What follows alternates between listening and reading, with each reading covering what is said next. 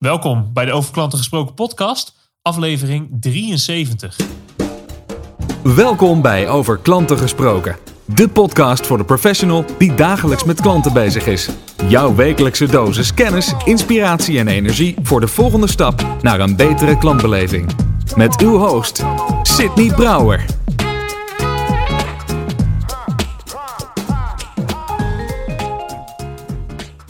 Hey, wat leuk dat je weer luistert naar deze nieuwe aflevering van Over Klanten Gesproken. Mijn naam is Sydney Brouwer en in deze allereerste aflevering van 2020, januari 2020, eh, interview ik ja, mede-auteur, mede-spreker, trainer en goede vriend Glenn Vergozen. En we gaan het hebben over ja, waar hij in is gespecialiseerd, waar wij in zijn gespecialiseerd. En zijn boek heet Leiderschap in Loyaliteit. En ook hoe ga je nou training geven aan een team aan een team, zodat zij, of hoe ga je leiding geven aan een team, zodat uh, zij klantgerichter werken en meer klanten enthousiast gaan maken over jouw organisatie en loyaal gaan krijgen. Daar gaan we het in deze aflevering over hebben.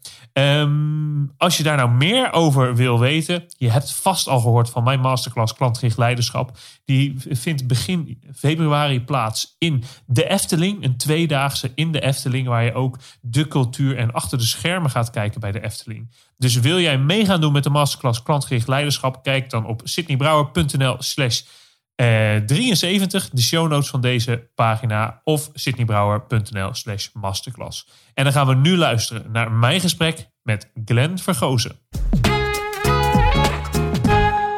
Hey, hallo Glenn. Hey Sydney. Hallo, hallo. Hoe, daar zitten we dan in jouw kantoor. Ja, wat leuk dat je hier bent. En Ja. wat leuk dat we gaan praten over een onderwerp wat, eh, wat ons allebei dicht bij het hart ligt. Ja, jij doet eh, veel hele gave dingen. Je bent trainer bij Franklin Covey. Yes. Nederland. Jij hebt eh, een podcast met een enigszins herkenbare naam, namelijk over spreken gesproken. Dat klopt. En dat gaat over ja, hoe ga je nou, hoe word je een effectievere spreker? Ehm, maar jij bent ook mede-auteur van het boek Leiderschap in Loyaliteit. Klopt. Eh, afgeleid van het eh, Amerikaanse boek Leaders in Loyalty. Leading loyalty. Le- Leading Loyalty. Ja. Ehm, ook weer geschreven daardoor het, eh, de, het, het Covey-instituut. Ja. En die, jij hebt mee mogen schrijven aan de Nederlandse, ehm, eh, Nederlandse editie daarvan. En bent in Nederland de specialist op dat gebied binnen Franklin Covey. Dus daar gaan we het over hebben. Maar eerst, wie is Glenn? Ja, ik wist dat die vraag kwam. Ik vind het een hele moeilijke vraag om te beantwoorden, want het ja, behelst zoveel. Hè? Ik, eh, ik noem mezelf graag een nieuwsgierige trainer en een speelse spreker. Oh, leuk. Ja. En ik, dat- die nieuwsgierigheid komt voort uit dat ik de waarheid niet in pacht heb. Eh, Ik geloof eigenlijk dat niemand een monopolie heeft op de waarheid. Het is een matter of perception. Dus die, ja, die nieuwsgierigheid zorgt dat ik heel graag dingen wil weten om me heen. En vooral de niet tastbare dingen, die vind ik het interessantst. Dus eh, als het gaat over loyaliteit, ja, dat, dat kan ik niet ruiken, dat kan ik niet zien. Nee. Dat vind ik dus daarmee interessant. Het is alles bepalend of een klant terugkomt. Uh, maar ook in een bedrijf zelf. Ja, stel je voor dat je een, uh, een, een, een, directeur hebt en die heeft een fantastische doelen nu voor 2020. Die heeft dat op mooie slides, echt een goed verhaal. Maar je zit in een zaal en je vertrouwt hem niet. Ja. Ja, hoe hard ga je dan rennen? ja niet achteruit. Ja, achteruit Ja. waarschijnlijk. En dus worden mensen ineens heel creatief om zo Ja. de, de maas van de wet op te zoeken. Ja, ik vind dat dus heel interessant. Dat dus die dingen die eigenlijk niet tastbaar zijn, uh, ook waarschijnlijk hele grote impact hebben op de resultaten. Ja. Dus dat is nieuwsgierigheid en speelsheid. Nou ja, ik neem mijn vak heel serieus, mezelf niet zo. Als die twee dingen in balans blijven, dan uh, ben ik een gelukkig mens. Ja, en uh, als je kijkt naar jouw weekverdeling, hoeveel is voor de groep dan wel trainen, dan wel spreken? Ik vind het twee best wel verschillende vakken. Klopt. Uh, maar uh, nou, daar gaan we het verder niet over hebben. Maar hoe, hoe is jouw verdeling? Spreken, trainen en andere dingen? Ja, dat, dat verschilt heel erg. Uh, in, in het hoogseizoen, hè, dus het zijn vaak de maanden september, oktober, november, februari, maart, april. Weet je, die maanden. Dan kan het echt, echt hoog oplopen tot vier, vijf dagen voor de groep. Ja. Eigenlijk als het gaat over uh, Zef, Seven Habits en houd de zaak scherp, niet altijd even duurzaam. Nee. Uh, maar de, de, mijn beste week is eigenlijk drie dagen training geven.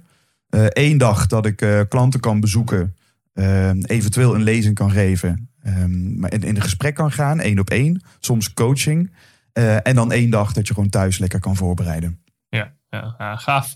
Mooi, eh, eh, een van de meest bekende en eh, meest hoogstaande trainingsinstituten van Nederland, denk ik. Eh, Franklin Coffee misschien wel van de wereld. Wereldwijd denk ik, ja. Wereldwijd. En eh, eh, dus ehm, in 2016 ook een programma gelanceerd specifiek op het maken van loyale klanten. Klopt. Het creëren van loyale Ja. klanten. En eh, daaruit voortgekomen of op de basis daarvan ligt ook het boek. Kan je iets meer vertellen over de gedachtegang eh, van dit boek? Waarom het nodig is en, en waarop het gebaseerd is? Precies, precies. En misschien is het goed om te vertellen dat, eh, waarom dat ik in vredesnaam in aanraking ben gekomen met, met dit programma en dit boek ook. En, Ja. en, en mede-auteur ben. Ik ben het precies tien jaar geleden, in 2010, ben ik begonnen als, als trainer. Maar mijn eerste stapjes waren trainingsacteren. Dus ik heb een theaterachtergrond. Kwam er daarachter dat ik drama als middel kan gebruiken. En dat vond ik eigenlijk veel mooier dan alleen uitvoerend eh, als entertainer of speler op Ja. een podium te staan. Dus mijn eerste stapjes maakte ik bij Jumbo Supermarkten. Ach, Tien jaar Ja, geleden ja. als trainingsacteur, als, eh, uiteindelijk ook als trainer. Ja, en dan kom je ineens in een wereld die, die ik daarvoor nog niet kende. De wereld van klantvriendelijkheid. eh, de zeven zekerheden, daar staat Jumbo onbekend. Maar zeker over hè, cu- cultuur, cultuurtechnisch gezien. Er zijn namen verschillende supermarkten over. Super de Boer, C1000. Super leerzaam voor mij om te zien hoe dat werkt. ja. En dat je in sommige gevallen ook kan eh overpromissen en underdeliveren. Want Ja, op het moment ja. dat je zegt, hey, dit zijn de zekerheden, je doet ze niet.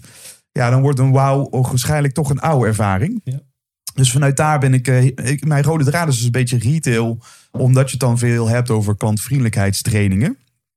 Eh, dus eh, ook bij KPN, eigenlijk alle callcenter, eh callcenters ge- gewerkt. In Enschede, Groningen, Eindhoven. Daarna de, de winkels in.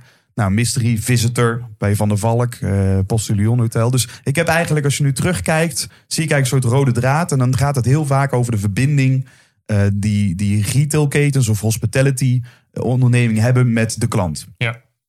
Dus zodoende, toen er een programma eh, uitkwam, Leading Customer Loyalty, en een paar jaar later daar een boek over werd gemaakt, ja, was het een logische keus, ook vanuit Frank Coffee, om mij eh, in Nederland daarvoor eh, te vragen. Ja. En het boek beschrijft eigenlijk een mindset die zowel medewerkers, maar vooral eerste lijns leiders, die iedere dag bezig zijn met de frontline medewerkers, die dus ja, de klantloyaliteit moeten creëren, ja. hoe ze dat kunnen intrainen, hoe ze dat kunnen regelen. En dan heb je het dus specifiek over ehm, eh, eh, eh, supermarktmanagers. Heb je het over teamleiders in een winkel. Ja. Dan heb je de top 10 leiders op een callcenter. Het zijn mensen die dus leiding geven aan de frontlinie. Exact. Ja, Exact. Ja, ja, ja, dat is gaaf. Ehm, en dit boek is daarop gericht. Nou, daar hebben wij denk ik een gemeenschappelijke passie. Ehm, en het bestaat uit een aantal onderdelen Mhm. het boek. Ja. Eh, en het, het, het gedachtegoed. Ja. Ehm, kan je dat, nou het is wat moeilijk om het visu- visueel te maken, maar kan je schetsen hoe dat eruit ziet? Ja, er is een framework eh, bedacht. Kunnen we dat in de show notes zetten? Die kunnen we zeker in de show notes zetten. Kan ik wat eh, informatie toesturen. Ja, sydneybrouwer.nl slash 73, daar vind je het model. Exacte mundo. En het, het framework, het staat eigenlijk, het, de basis aan het framework zijn drie principes.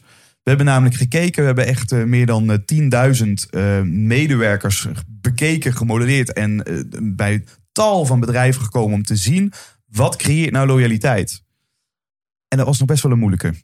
Het was best wel moeilijk om eigenlijk die formule te ontdekken. Ja. Eh, zeker omdat we in eerste instantie keken naar de correlatie tussen eh, klantloyaliteit en, en, en succesvol zaken doen, hoge omzet. Nou, die is flinterdun. Die correlatie is heel moeilijk te, te Ja. leggen. Ehm, en toch waren er toch in dat hele donkere gebied waren er een paar bedrijven die het zowel heel goed deden als hele hoge loyaliteit scoorden. Ja, En daar zijn we naartoe gegaan om te kijken wat doen zij nu anders. En uiteindelijk hebben we daar drie principes aan gekoppeld. Dat is de basis van het hele framework.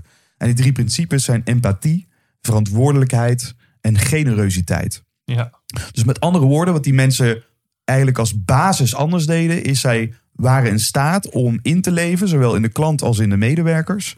Zij wisten te achterhalen wat een daadwerkelijke behoefte was. De vraag van de klant is niet per definitie de behoefte. En zij wisten op dagelijkse basis mensen te verwachten, verrassen met eh, onverwachte extra's. ja. Ehm, ja, en dat werd het basisframework gekoppeld aan, eh, aan het boek. Ik vind één uitspraak die je net deed, dat ben ik natuurlijk uh, uh, doorgetriggerd. En ik denk mijn luisteraar ook. jij zegt, joh, de, de link tussen succesvolle organisaties en loyale klanten is niet heel dik. die, die is flinterdun. Ja. Vertel. Nou ja, daar ben jij denk ik een grotere expert in dan ik. Maar ik, ja, we zien heel veel bedrijven die zeer succesvol zijn, maar niet per definitie klantenloyaliteit als opeenzetten. Ja. Dus met andere woorden, uh, succesvol zijn uh, en, en, en maar ook uh, gelukkige klanten creëren, dat, dat hoeft niet samen te gaan. Nee. Maar hetzelfde zie je bij of je succesvol of gelukkig bent. Hè. Dan zie je bij ondernemers of mensen die nadenken: hey, wat is het verschil tussen succes en geluk? Nou, ik ken heel veel succesvolle mensen die zijn niet zo gelukkig. Maar wat je wel ziet, is dat gelukkige mensen sneller in staat zijn om succesvol Ja. te zijn. Ja, ik schrijf in, in, in mijn boek schrijf ik, joh, het is niet nodig om klantgericht te zijn. eh, eh, eh, het is niet nodig dat je klantgericht bent om succesvol te zijn. Exact. En, maar het helpt wel. Ja, ik Ja. geloof dat het sterker nog de meest duurzame manier is Ja. eh, in de 21ste eeuw. Dus ik geloof daar waar mensen met één muisklik overstappen naar een concurrent, zul je moeten nadenken: wat zorgen wij ervoor dat we future-proof blijven? Ja. En als je dan niet in staat bent om een duurzame relatie op te bouwen met de klant, ja, dan wordt het gewoon echt heel moeilijk. Ja, en ik zie, eh, ehm, daarin is ook iets ingewikkelds gaande. En waar wij allebei in onze boeken eh, schrijven we daarover. Want aan de ene kant zie je dat organisaties steeds groter worden. Dat er steeds minder klantcontact is. Dat steeds meer digitaal en eh, geautomatiseerd wordt. Ehm, en toch denk ik, en ik geloof jij ook, dat organisaties die die menselijkheid weten te behouden of terug weten te brengen, dat dat uiteindelijk de organisaties gaan worden die de komende 10, 15 jaar als winnaar uit de bus gaan komen. Ehm, jouw drive is ook die menselijkheid, hè, eh, hoe ik het zeg, bringing humanity back to business. Ja. Hoe, hoe kijk je tegen die wrijving aan? Ja, dit is, een hele interessante. En, en, en je, het klopt wat je zegt. Als ik kijk naar wat ik belangrijk vind in mijn werk, dan is het dat ik mensen in staat wil stellen om te verbinden. En dat kan enerzijds een verbinding zijn met jezelf, hè, persoonlijk leiderschap, weten wie je bent, wat je nou echt belangrijk vindt, dan wel een verbinding met de ander. En de over spreken gesproken podcast, hè, wat gaat over spreken met meer impact, Ja. gaat eigenlijk hetzelfde. Hè? Dat is een verbinding maken met enerzijds met jezelf. Want als jij niet in contact staat met jezelf, je staat op een podium, nou, dan gaat eh, de fight, flight, freeze modus gaat, gaat af. Eh, dan sta jij niet ontspannen op voor zo'n groep. Maar ben je tegelijkertijd in staat om een verbinding te maken met het publiek. Nou, dit werkt hetzelfde met klantloyaliteit. En wat ik super interessant vind, is wat ik in al mijn trainingen gekoppeld aan dit programma heb gevraagd, is: kun je mij een situatie delen waarin jij eh, de, of waar iemand anders eh, jouw loyaliteit verdiende? Want laten we eerlijk zijn, je verdient iemands vertrouwen. Ja. Die creëer je niet. Dus iemand geeft ja, uiteindelijk jou het vertrouwen en de loyaliteit. En de grap is dan dat meer dan 70% van alle antwoorden waren heel erg ge- geallieerd aan, aan, aan het menselijke contact die ze op dat moment ervaarden. Ja. En dat is dus interessant. En dat was eigenlijk mijn eerste paradigmaverschuiving, ook bij het maken van, van het boek. Dat ik heel erg dacht dat marketingconcepten of eh, bonuskaart sparen of al die loyaliteitsprogramma's, dat die uiteindelijk mensen binden. Terwijl dat, dat niet blijkt te zijn. Dat zijn maar, is eigenlijk echt maar de grote minderheid. Meer dan 70% van de echte klantloyaliteit ontstaat door de frontline medewerkers. Ja. Maar nu komt iets treurigs. Je hebt die 70% dus, maar vaak die overige 30%, dat is eigenlijk de investering die wordt gedaan in de frontline medewerkers. Ja. Van alle grote organisaties, juist omdat ze zo groeien, de, de, de over, eh, eh, dus de investering als het gaat om ontwikkeling, laagste bij frontline medewerkers. De overloopcijfers, het hoogste bij frontline medewerkers. De, eh, retentie, hè, probeer ze maar bij je te houden, super lastig. Dus je ziet hier een enorme paradox dat bedrijven dus heel erg investeren in zaken die ogenschijnlijk uiteindelijk niet de loyaliteit creëren. En de frontline medewerkers worden dus eigenlijk soort van verwaarloosd. Terwijl het zij juist iedere dag opnieuw in contact staan met die klant. Ja, ja. ja ik, ik maak in, in het nieuwe boek dat ik aan het schrijven ben, maak ik een, hè, dat heet Six Star Service. En daar maak ik onderscheid tussen een vijf sterren ervaring, wat je als organisatie gewoon moet bieden. Omdat de- Mhm. dat is wat de klant tegenwoordig van je verlangt. Hè? Ehm, eh, eh, vroeger stond vijf sterren stond voor, dat is excellent, dat is supergoed. Maar inmiddels, als we kijken naar de rev- reviewland, is vijf sterren staat. Ja, als je voldoet aan de verwachtingen van de klant, dan krijg je vijf sterren. Als je dat niet doet, gaat de klant sterren in mindering brengen. Mhm. Dus vijf sterren is de standaard. Wat betekent dat je basis, je processen, je systemen moet gewoon op orde zijn. En dan krijg je vijf sterren. Maar het zorgt niet voor, eh, eh, voor die emotionele binding. Het zorgt niet voor die echte loyaliteit. En dat is 9 van de 10 keer gewoon nog steeds mensenwerk. En dat doe je met wat ik noem six-star service. En dat kan alleen maar gegeven worden door mensen. Ja. En mensen zijn loyaal aan andere mensen. En dat is vaak ook best wel lastig voor organisaties. Ja. Want het kan ook betekenen dat als jouw hele goede medewerker weggaat, dat hij ook een aantal klanten meeneemt. Dat zou zomaar kunnen. Dat zou zomaar Ja. kunnen. Maar feit is dat loyaliteit vaak mensenwerk is. En nu is het dus interessant. En dan ben je dus een organisatie. En dan zeg je, ja, ik wil dit. Ja. En dan is dus de grote hamvraag, hoe doe ik dat? Waar begin ik in vredesnaam? Want ik heb niet het budget om iedere frontline medewerker mee te nemen in gigantische trajecten. En ik heb jarenlang frontline medewerkers getraind. Eh, alleen die kwamen dan een dag. En dan werd er een soort van verwacht dat ik dan met mijn goochelstokje zwaai. En dan binnen één dag is iedereen super klantgericht. De wasstraat. De wasstraat. Ja, ja. Ja, en ik, ik ben daar kritisch over. Ik ben kritisch over wat, we, wat de impact is van een, van een enkele trainingsdag. Dus wij hebben nagedacht, hoe kunnen we een proces creëren waarin niet ik als consultant of trainer dat in één dag moet gaan doen. Nee, maar wie ziet die medewerker iedere dag? Ja. Wie geeft die medewerker nou de loyaliteit? Nou, dat is waarschijnlijk de teamleider, de eerste lijnsleider, die die iedere dag ziet. Ja. Ook vanuit de perceptie, mensen komen voor het bedrijf, gaan weg omdat ze een shitty manager hebben. Dus als we hen nou de sleutel kunnen geven tot deze mindset, ja. ja, dan creëren we misschien een olievlek waarbij ik het niet doe, maar ik leer het de eerste lijnsleiders, zodat zij vervolgens met hun teamleden zelf aan de slag kunnen gaan. En hoe zij een cultuur kunnen gaan creëren die dit stimuleert. Exact, Ja, exact. En dat creëert dus ook een paradigmaverschuiving bij die manager. Want als jij een eerste lijns manager bent, dan is de kans dat je heel goed was in je vak. Dus de reden waarom Ja. dat mensen teamleiders worden, is omdat ze verrekte goede verkoper waren. Dus eigenlijk de technische vaardigheden, die zijn Ja. bij die persoon op orde. Nou, dan word je een leider, maar dan ben jij ineens niet meer zelf verantwoordelijk voor de resultaten. Maar jij bent verantwoordelijk voor de resultaten die je creëert door anderen. Ja. Waar focus je je dan op? Als jij je dan blijft focussen op de klant alleen, dan zijn er twee valkuilen. Of je gaat micromanagen, of je gaat alles zelf doen. Ja. En in beide gevallen zie je dit dus heel veel in winkels gebeuren. Dat de manager dan komt. Nou, Gerard, Gerard, ja, laat maar. Laat maar. Klant, Ik hallo, hallo klant, kom er even mee. Dus die ene medewerker wordt volledig gepareerd. Zijn proactiviteit wordt ontnomen. Nou, zo creëer je natuurlijk gewoon luie medewerkers. Die Ja. bij iedere moeilijke vraag zegt. Ja, dat weet ik niet. Hey, Moet maar ik even de manager manager vragen. vragen. Ja, Ja. precies. Dus de vraag is dan. Focus jij je op de klant of focus jij je op loyale medewerkers? En dat is Ja. dus de eerste vraag die ik eerste lijns leider stel. Is hoe blij zijn jouw mensen om Ja. iedere dag voor jou te komen werken? Ja. En dat vind ik zo mooi in dit programma, los van de pragmatische kant. Maar die empathie, verantwoordelijkheid, generositeit, dat begint dus bij de eerste lijnsleider door het zelf te laten zien naar je mensen toe. Ja. Dus even dat ik het goed begrijp. Die, die drie voorwaarden. eh, noemen ze voorwaarden? Eh, principes. noem ik ze. Principes. Ja. eh, empathie, verantwoordelijkheid, generositeit. Ja. Die zijn zowel belangrijk van de eh, medewerker naar de klant toe, maar ook van de eh, teamleider in dit geval naar de medewerker toe. Dus- Zeker dus weten, in, ja. in, in elke relatie is dit een belangrijk. Zouden die principes er moeten zijn? En dan hebben wij twee gedragingen per principe bedacht Ja. om de hoe dan te beantwoorden. Eh, zullen we er eentje uitpikken? Eh, vind je dat? eh, Ja, zeker. Ehm, ehm, ik word heel vaak voor mijn lezingen ook gevraagd: Jos Sidney, kan je iets met eigenaarschap? Kan je iets met verantwoordelijkheid? Ja. Dat mensen eh, het gevoel krijgen: hey, die klant is niet van de organisatie, maar die klant is van mij. Ja, Ehm, volgens mij valt dat onder het kopje verantwoordelijkheid. zeker. Kun je, kan, kan je die eens ontleden voor ons? Ja, de verantwoordelijkheid is dus het tweede principe. Daar zijn de gedragingen aan gekoppeld. Ontdek wat er echt moet gebeuren Ja, en volg op.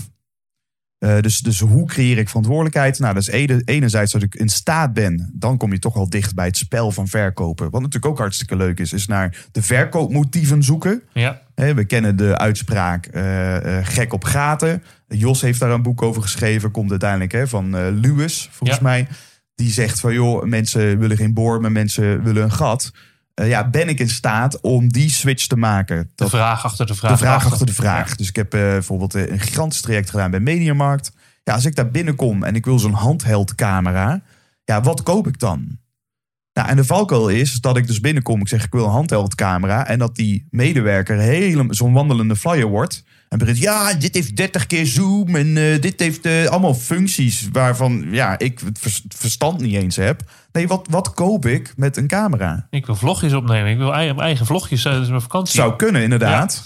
En als je dat dus doorrelateert, ja, waarom wil je vlogjes opnemen? Nou, dan kan daar een marketingdoel aan zitten. Maar, maar in het geval van, nou, zeg maar gewoon Jan met de korte achternaam. Ik koop herinneringen. Ja. Ik ben net misschien papa geworden en ik wil zo'n camera. Omdat ik toch op een, op een fijne manier eh, die eerste eh, maanden van die kleine wil filmen. Ja, als jij het vermogen hebt als medewerker, dat betekent dus dat empathie. Daarom is die eh, principe 1, dus empathie komt voor verantwoordelijkheid. Dus als ik het empathische vermogen heb om een verbinding te maken, te luisteren naar wat die klant zegt. En vervolgens erachter te komen: hey, die, die man is net papa geworden, die wil herinneringen kopen. Ja, dan, dan praat je op een hele andere golflengte dan dat ik alleen maar die specificatie van die camera eh, benoem. Ja. Nou, op het moment dat ik dat doe, is dus al verantwoordelijkheid nemen voor de behoeften van de klant. Maar bij opvolgen gaat het over, nou, niet altijd alles loopt lekker. Nou, dat geeft ook helemaal niks. Ik als klant vind het echt niet erg dat er foutjes worden gemaakt. Sterker nog, als je eh, Marriott heeft er onderzoek naar gedaan. Ben je, ik weet niet of het er voorbij is gekomen in je podcast. Nee, dat weet ik niet. Maar vertel. Maar dat dus, eh, ze, ze hebben eh, klanten gevraagd hoe, van hoe enthousiast ze waren. Er waren drie klantengroepen. De eerste klantengroep kwam binnen, niks aan het handje, gewoon goede service gehad. Zijn we weggegaan. De tweede klantengroep kwam binnen, ging iets mis. En het werd goed opgelost. En de derde gro- klantengroep kwam binnen, ging iets mis, werd niet opgelost. Bij alle drie de groepen vroegen ze: hey, hoe, hoe graag zou je terug willen komen? Bij de tweede klantengroep, dus de klantengroep waar eigenlijk iets misging, maar het goed werd opgelost, was dus ogenschijnlijk de loyaliteit het hoogst. Ja. En ook flink ook hoger. En hè? Volgens mij 8% hoger dan bij... Ja, ja. hoger. En dat is natuurlijk super interessant dat we niet bang moeten zijn dat er een foutje wordt gemaakt. Nee, maar hoe gaan we daar dan mee om? Dus op het moment dat er een foutje gaat, dat is opvolgen. Ja, hoe volg ik dan op? En als ik een belofte doe, kom ik die stomweg dan ook na? Als ik zeg, hey, ik bel over twee weken nog een keer terug om echt even te checken eh, of het product gewoon het juiste product was, ja, doe ik dat dan ook. En als ik dat doe, als ik dus echt opvolg, ja, dan zie je dat mensen dat soort kleine zaken totaal niet verwachten. Nee. Nee. En daar, met zoiets kleins kan je hè, aandacht geven op het moment dat de klant niet om, er niet om vraagt. Ja. Dat is al, eh, daarmee maak je al, kan je een heel groot verschil maken. Ehm, ik, ik hoor in mijn hoofd al het gesprek dat ik heb met klanten van mij en hun medewerkers. Want de manager zegt, joh, ehm, zo. Tududing. Eh, de manager zegt, ehm, eh, mijn medewerkers moeten meer eigenaarschap pakken, verantwoordelijkheid Ja. pakken. En de medewerker zegt, ik moet meer ruimte krijgen om die eigenaarschap te kunnen pakken. Ja, en dit is dus interessant. Hè? Als het gaat over verantwoordelijkheid, dan begint het dus bij de teamleider. Neem jij ook verantwoordelijkheid voor de zorg van je mensen? Ja. Dus als ik binnenkom, en het begint dan ook weer met empathie. Dus als ik binnenkom, een beetje, zo, een beetje mokken, weet je wel. Van, hey, hoe gaat het? Ja, ja, ja, het gaat, het gaat. Ja, heb ik dan als leider het empathisch vermogen om te zeggen... hey joh, kom, ga even een kopje koffie pakken. Ja. En als ik een kopje koffie pak, zeg joh, dat- dat ik dan aangeef als, als medewerker, joh, het is, eh, ja, het is wel een beetje druk de laatste tijd. En eh, de klanten komen stromen binnen. En ik, ik voel dat er mensen aan het wachten zijn de hele tijd. Vind ik super irritant. Ja, hoe, hoe ga ik daar dan mee om als leider? Zeg ik, ja, verzin maar iets. Weet je wel, dat is, eh, dat is niet mijn probleem. Het- Ja, dan veeg je dus je eigen verantwoordelijkheid compleet van tafel. Dan verwacht je vervolgens wel dat de mensen ownership nemen over het probleem van de klant Ja. Gaat erg lastig worden. Dus ik, ben al, ik zeg dat tegen zo'n, eh, we noemen dat modelleren, leren, versterken. In die volgorde. Dus in het traject die mensen kunnen lezen in het boek ook, begint het bij als een leider. Maar dat kan ook een informeel leider zijn. Ik geloof ook dat hè, cultuurveranderaars ook waarschijnlijk geen formeel manager hoeven te zijn. Niet. Ja. Eh, maar het begint met het modelleren, het zelf laten zien. En pas dan creëer je natuurlijk ook de geloofwaardigheid om het ook over te dragen aan anderen. Ja. En dat is het tweede facet, is als een leider het gemodelleerd heeft. Laten we er nu van uitgaan dat hij dat heeft. Ja, dan wordt het interessant. Hey, hoe ga ik het nu leren aan mijn mensen? Eh, na de hè, nadat ik het zelf heb geïnternaliseerd. In, in, in het boek staat een, eh, een, een werkvorm of een methode eh, centraal die dit heel erg kan. Die überhaupt belangrijk is om een cultuur te vormen. Dat is hoe jullie het noemen de huddle. Ja, huddles. Vertel, Ja, wat, is- wat is de huddle? Huddles ken je wel van, eh, van, van, van sportteams. Hè? Dat zijn die mensen die komen dan bij elkaar en dan zo schouder aan schouder. Weet je, die bepalen een strategie. Ja. Oké, jij gaat daar staan, jij gaat daar staan. Oké, sta, is het helder? En dan hè, vaak nog zo'n yell aan het eind. Hey! En, dan, en dan gaan we aan de slag. Ja, dat is wat we eigenlijk willen creëren, gekoppeld aan de principes en de gedragingen van loyaliteit. Je zou het ook lean kunnen noemen. Dat je zegt, nou, dus hè, met scrums is ook een weekly sprints. Ja, zou ook de, kunnen. De, de dagstart, weekstart. Dagstart, alleen het resoneert vaak niet zozeer bij de, bij de vaak jonge medewerkers, de frontline medewerkers. Ze zegt, jongens, we gaan een huddle doen. Ja. Hè, De definitie van een huddle is kort, krachtig en het moet energiegevend zijn. Ja. Nou ja, we hebben vaak al dagstarts, eh, maar dan, dan kijken we vaak naar de nummers, naar de metrics. Hè, dus ook eh, s- in sommige gevallen ook hartstikke belangrijk dat dat, eh, dat dat goed gebeurt. Maar in de huddle, in het programma, dan ga je echt enerzijds succes vieren. Dus in plaats van dat we het gaan benoemen wat niet goed gaat, begint iedere huddle met even benoemen. Hé hey jongens, wat ging er goed? Dat kan de leider zelf doen. hey, ik heb iemand betrapt op goed gedrag. Dat is Ja. Dennis hier. Dennis, echt, hoe jij zojuist gisteren, die klant. Dus, Enthousiast iemand, gemaakt. echt iemand in het zonnetje zetten. Goed voorbeeld doet volgen. Maar het mag ook zijn dat iemand zegt: hey, wie in, deze, wie in dit groepje eh, vindt nou echt heel gemakkelijk om, eh, om een, extra stapje te zetten? Dat iemand uit zijn eigen eh, kennis een voorbeeld geeft, kan ook. Daarna is het heel kort daarvan leren. Oké, als we dit voorbeeldje delen, wat, wat, wat kunnen wij dan met z'n allen daaraan delen? En we hebben content geschreven in het boek, als wel in het trainersprogramma. Dus als je dan denkt, oeh, ik weet niet hoe ik dit moet vormgeven, staan allemaal tools en energizers en dingen in die je kunt doen. Ja. En vervolgens een, een commitment. En het is geen commitment die we vervolgens een steen gaan bijtelen. Nee, het is een commitment die mensen met elkaar afspreken zonder dat het per definitie hoeft op, op te, opgeschreven te worden. Omdat ik heel erg geloof, als ik met jou een menselijke afspraak maak, dan wordt mijn gevoel, mijn commitment en mijn accountability wordt misschien wel hoger dan wanneer dat dat heel formeel in een. Excel-file eh, terecht moet komen. Dus als ik het deel met een ieder in dat groepje, ja, ontstaat er vanzelf accountability. Want ik heb het hardop uitgesproken. En zo'n commitment, eh, heb je, kan je die heel concreet maken? Hoe, hoe zou zoiets eruit zien? Ja, een commitment moet echt bloody simpel zijn. Dus een commitment, en dat is dan maar net aan de thema wat je bespreekt. Ja. Stel je zit bij empathie, dan zou een commitment kunnen zijn: hey, ik wil nu iedere klant die voorbij komt, daar maak ik contact mee. Ja. Zo simpel kan het zijn. Dus of het nou oogcontact is, of een knikje, of ik begroet die. Maar er gaat geen klant langs me heen, terwijl ik stoïcijns nog in een computersysteem sta. Ja. Nou, dat kan een commitment zijn. Een commitment bij generositeit is: ik ga één keer de verwachting extreem overtreffen. Eén keertje deze week. Ga ik gewoon iets doen waarvan die klant denkt: wat krijgen we nou? Ja. Nou, dat kan een commitment zijn. Een commitment bij verantwoordelijkheid kan zijn: ik ga dus proberen die slag van camera naar herinneringen, eh, de slag van een, een mooi kapsel, kapsel bij de kapper naar zelfvertrouwen. De slag van, eh, dus ik ga de hele week ga ik nadenken: hey, wat koopt die klant nu eigenlijk? Ja. Kan ook een commitment zijn, ja. et cetera. Gaaf, mooie dingen. Hoe lang zitten we al, eh, Glenn? J- jij bent de apparatuurbediener in dit geval. We zitten op 27 minuutjes. 27 minuten. Dat is eh, mooi een moment om te gaan afronden. Ehm, zijn er nog. Nee, de, de, de vraag der vragen die ik vaak stel is: eh, eh, zijn er nog dingen die ik had moeten vragen, maar die ik vergeten ben? ja, ja, je had, we hadden hier nog, denk ik, eh, uren Ja, nee, over, de- eh, over kunnen uren. kletsen. Maar het is zondag, hè? Dus dan moeten we. Ja, precies. Wat, wat ik misschien nog wel belangrijk vind om te vertellen is ehm, een, een laatste idee wat ik echt wel geleerd heb eh, in dit onderzoeksproces, is dat het gaat om wie je bent. Ehm, en, en dat klinkt heel vaag, eh, maar omwille een authentieke verbinding te maken, moet ik iets van mezelf kunnen of durven laten zien. Ja. En het is in de retailwereld niet altijd gebruikelijk, waarin mensen vaak dezelfde kleren hebben, dezelfde principes, dezelfde methodes. Eenheidsworst is een valkuil. Ja. Ik heb jarenlang klantvriendelijkheidstrainingen gegeven, jarenlang sales trainingen gedaan, waarbij het alleen maar ging om technieken.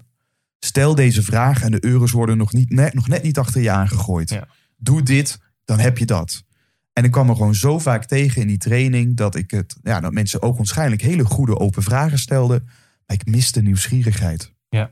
Ja. Ik, ik hoorde heel veel goede open vragen, maar ik denk, ik ben hier fatsoen aan het fijnzen. Want je hebt gewoon je hebt geen integriteit. Jouw, jouw focus is niet mij blij maken. Je focus is eh, alleen NPS opkrikken. Ja. Of meer euro's verdienen uiteindelijk. Mensen voelen dat. Alsjeblieft, hou op met alleen maar de juiste technieken internaliseren. Ga met een gesprek aan. Wie zijn wij en wie willen wij zijn? En pas als dat congruent is, Ja. ja, dan komen de technieken uiteindelijk vanzelf. En dan wordt het een, eh, een eh, dan ga je vermenigvuldigen. In plaats van dat de een afbreuk doet aan de ander. Ik, ik zou die ook eh, een aanvulling op willen doen. Die wil ik ook graag omdraaien. Want wat je ook vaak ziet is dat als je klant bent, het is vaak veel makkelijker om een eh, goede klantbeleving te krijgen, om goede klant te service te krijgen, om die verbinding te maken als je jezelf als klant ook meer laat zien. Hè, Heel vaak ehm, zijn we als klant ehm, eh, eh, ook laten we onze persoonlijkheid een soort thuis. Terwijl ik, ik heel vaak als ik een klantenservice moet bellen of zo, dan neem ik mezelf voor om het gesprek dat ik met diegene heb. Als hè, de, de ben ik de klant, om dat gesprek in elk geval he- het gesprek te laten zijn dat ze van die dag herinnert. Want ze heeft er 75 op zo'n dag. Laat mijn gesprek dan net het gesprek zijn dat ze herinnert, omdat hij net even wat leuker was, net even wat vrolijker. En als je dat voornemen hebt als klant, is het ook, eh, kan het ook bijdragen aan het bringing humanity back to business. Er zit wel een verantwoordelijkheid aan allebei de kanten. Ja, ik vind het heel mooi. Een tip misschien ook voor onszelf inderdaad. Die we altijd mee kunnen nemen. Is inderdaad onze eigen menselijkheid niet te vergeten.